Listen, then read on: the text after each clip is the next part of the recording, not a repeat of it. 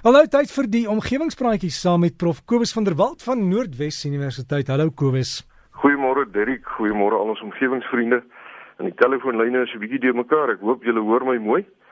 Ehm um, Derrick, ek wil net eers voor ek nou die omgewingspraatjie uh doen vanoggend wil ek dan net vir jou persoonlik sê ek het verlede in die week jou broer is oorlede en uh ons ek dink ek kan namens al ons luisteraars vir jou die vertroosting van ons hemelse Vader toebid saam saam met die hele familie. So iets is altyd hartseer en vir alles het so skielik gebeur. Uh, baie dankie um, Kobus. En Derek baie dankie vir die vir die wonderlike positiewe en blymoedige mens wat jy is. Jy weet dis 'n wonderlike voorreg om iemand soos jy elke Saterdagoggend in ons lewens te mag hê. En baie sterkte uh, met met uh, met hierdie groot verlies in jou lewe. Swardeer Kobus, dankie baie. Dankie Derek. Nou ja, Derek Gawie was vanoggend so stywerig onder 'n onder 'n tafel. Dit was snaaks sy sy charger. Was onder die tafel. Die, die rede daarvoor is ek het gisteroggend hierdie tyd het ek duin 7 uitgeklim by Walvisbaai. Nou mense wat al daar was sal weet dis nou nie 'n dingetjie wat ou sonder handskoene moet aanpak nie. En uh uh gisterand laat toe ek terugvlieg uh van Walvisbaai af uh toe ons oor Alberton inkom met die vliegtyg, toe is daar jou wrintie waar nou weer iemand wat met een van hierdie groen laserligte na die na die vliegtyg toe gewys het. En uh en probeer om die om die vlieëniers te verblind. Nou ek wil graag vra vanoggend uh, almal wat in in in Alberton se wêreld bly, as u weet dat u kind dalk so 'n groen laserliggie het, uh bring dit tog onder hulle aandag dat dit 'n uh, uh, baie groot oortreding is want dit is baie baie bitter gevaarlik. 'n Mens kan die loodse verblind of vir hulle vertigo gee, soos dit in Engels bekend staan. En ek dink nie iemand wil 'n uh, uh, hele vliegtuig vol mense se lewens op hulle gewete hê nie. So dit moet asseblief nie weer gebeur nie. Uh, kyk maar 'n bietjie daar as as u in Alberton woon. Maar ja, Derek, ek het so 'n week of twee gelede 'n navraag beantwoord of 'n mens polistireen kan hersirkuleer en ek het toe voorgestel dat mense dit moet hergebruik uh, sover as moontlik. En in reaksie daarop het Paulie Houg vir my geskryf en gesê dat sy al lankal wonder of dit veilig is om voedsel in 'n polistireenhouer in 'n mikrogolfoond warm te maak. Sy sê van die winkels wat gaar kos verkoop, sit dit gewoonlik in sulke bakkies en 'n wonder sy of dit nie dalk negatiewe gesondheidseffekte kan hê nie. Nou ja, baie dankie vir daardie vraag en ek het gaan kyk uh, na wat die gesaghebende Harvard Mediese Skool oor die onderwerp te sê het. Nou hulle het 'n inligtingstuk op die internet wat eintlik uh, weier is, hy gaan oor die algemene gebruik van plastiekhouers in mikrogolfoonde.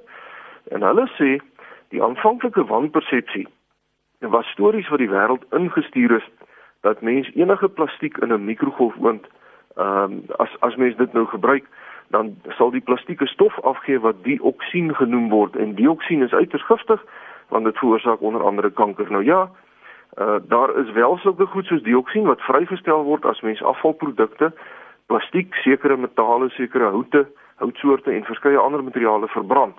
Maar as mens plastiek net warm maak in 'n mikrogolfoond word daar geen dioksien vrygestel nie. So mense moet nou net nie die kos so lank in die mikrogolfoond warm maak dat die kos en die plastiekbakkie aan die brand slaan nie. Uh dan sal dioksien geen probleem wees nie. Die saak waaroor dit eintlik gaan is twee stowwe wat in plastiek voorkom wat bisfenol A en dan talate genoem word. En hierdie stowwe is sogenaamde plastiseerders wat help om plastiek of hard of buigbaar te maak en ook om die plastiek te stabiliseer. Nou daar word geglo dat bisfenol A en talate sogenaamde endokrien-ontwrigters is. Met ander woorde, dit kan negatief inwerk op jou hormoonstelsel as jy dit sou inkry. As voedsel dus met plastiek bedek is of as dit in plastiekhouers in mikrogolfoonde verwarm word, dan mag daar van hierdie chemikalieë uit die plastiek vrygestel word en dan in die voedsel beland veral as dit vetterige voedsel is soos vleis of kaas. Nou die Amerikaanse Food and Drug Administration het egter baie lankal besef dat klein hoeveelhede plastiseerders wel in voedselsoorte kan beland. Maar die gevolg dat daar streng regulasies is met betrekking tot plastiekhouers en plastiekfilms soos byvoorbeeld kleefplastiek wat met voedsel in aanraking kan kom. Nou, in Amerika moet die vervaardigers van plastiekhouers die houers eers toets voordat die FDA so houer as veilig vir mikrogolfgebruik sal verklaar. Hierdie toetse kyk dan na die migrasie van chemikalieë onder temperatuurtoestande waarby die houer waarskynlik gebruik sal word. Nou vir mikrogolwe kyk die FDA na die kontakarea tussen die voedsel en die plastiek, hoe lank die houer waarskynlik in die mikrogolfoon sal deurbring, hoe gereeld 'n persoon voedsel uit so 'n houer sal eet en ook hoe warm die voedsel uh, word as mens dit nou warm maak. en wetenskaplikes meet dan ook die hoeveelhede chemikalieë wat uit die plastiek uitloog. En slegs as die konsentrasie daarvan minstens 100 keer laer is as die um, as die wettige standaard, ehm uh, dan sal so houer as veilig geklassifiseer word. 'n Organisasie in Amerika met die naam Good Housekeeping het 31 verskillende mikrogolfveilige voedselhouers wat in Amerika te koop is op hierdie wyse getoets en hulle het bevind dat daar geen chemikalieë in die voedsel gevind word nie.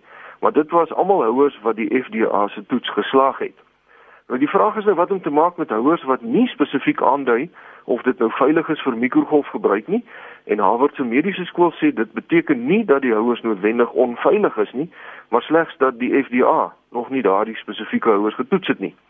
Nou ja, ons het natuurlik nie 'n FDA hier by ons in Suid-Afrika nie. So ek sou aanbeveel dat mense maar liefs slegs plastiekhouers wat spesifiek sê dat dit veilig is vir mikrogolwe uh gebruik as mens nou kos daarin warm wil maak. Nou terug by polistireenhouers, die vraag of polistireenhouers veilig is om kos in warm te maak of om byvoorbeeld warm koffie in te bedien is ook deur die mense van Harvard ondersoek en hulle sê dat in teenstelling met die algemene opvatting dit wel veilig is om sekere tipes polistireenhouers in mikrogolwe te gebruik. Maar hulle maan ook dat mens maar liefs na die etiket moet kyk om te sien of die polistireen spesifiek getoets is vir mikrogolfgebruik of uh, vir die gebruik in die voedselindustrie. Harvard sê as mens onseker is oor die gebruik van plastiek in 'n mikrogolf, dan moet mens die voedsel maar liewers in 'n glas of keramiekbak uh 'n keramiekbak opwarm wat geskik is vir mikrogolwe. Nog 'n voorbeeldmateriaal is dat mens nie moet toelaat dat iets soos kleefplastiek aan die voedsel raak as mens die kos warm maak nie, want die kos kan dalk op 'n plekkie so warm raak uh, dat dit nou die plastiek kan smelt en dan kom die skadelike stowwe nou uit. Nou verder is die meeste plastiekhouers wat gemaak is om goed soos jogurt, water, koeldrank, margarien, roomkaas, majonees of mosterd in te verkoop nie mikrogolfveilig nie.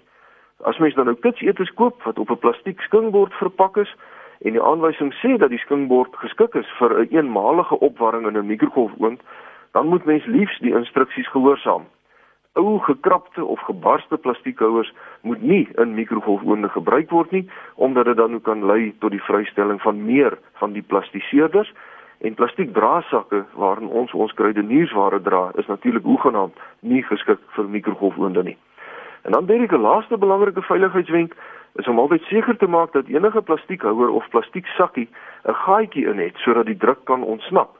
Want as mens byvoorbeeld van die vissoorte wat binne in plastieksakkies in die mikrogolfoond gaar gemaak kan word, te warm laat word, dan kan die sakkie bars en mens kan lelike brandwonde op hierdie wyse opdoen. Om op te som dus, soos met alles in die lewe moet mens maar jou gesonde verstand gebruik as dit kom by die gebruik van plastiekhouers in mikrogolfoonde en dit beteken dat mens die instruksies moet gehoorsaam. En as jy wonder oor iets, dan moet jy dit wel liewers nie doen nie. En daarmee sluit ek af vir oggend. As mense vir my wil skryf, is hulle baie welkom. My e-posadres is kobus.vanderwalt@nwu.ac.za of kyk gerus op omgewingspraatjies se Facebook bladsy vir meer besonderhede. Vriendelike groete tot 'n volgende keer. Dankie Kobus en 'n heerlike naweek vir jou. Onthou ons omgewingspraatjies sal ook as 'n potgooi beskikbaar wees, maar gaan loer op Facebook omgewingspraatjies. Sluit dan by die groep en kry die inligting.